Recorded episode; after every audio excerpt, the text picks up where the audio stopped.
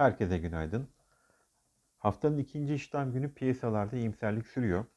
İyimserliğin ana nedeni Amerika'da 1.9 trilyon dolarlık teşvik paketine yönelik gelişmeler. Ee, Amerika'da endeksler e, dün e, rekor seviyelerde günü tamamladı. E, bu sabah vadeli işlemlerde yatay bir seyir hakim. Borsa İstanbul'da BIST 100 endeksi %0.51 değer kazanarak günü 1535 puan seviyesinden tamamladı. Dolar TL paritesi bu sabah 7.06 seviyelerinde.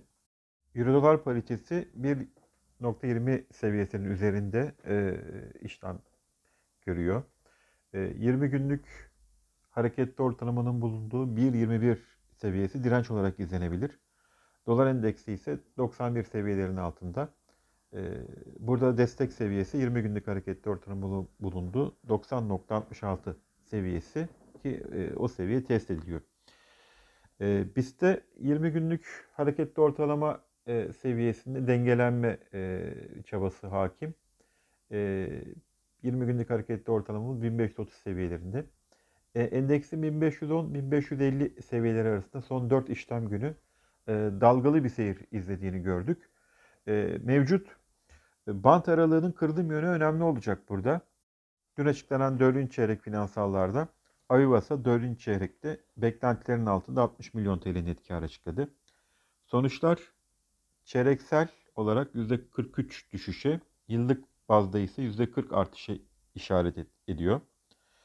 E, sonuçları hisse için e, sınırlı olumsuz olarak e, değerlendiriyoruz.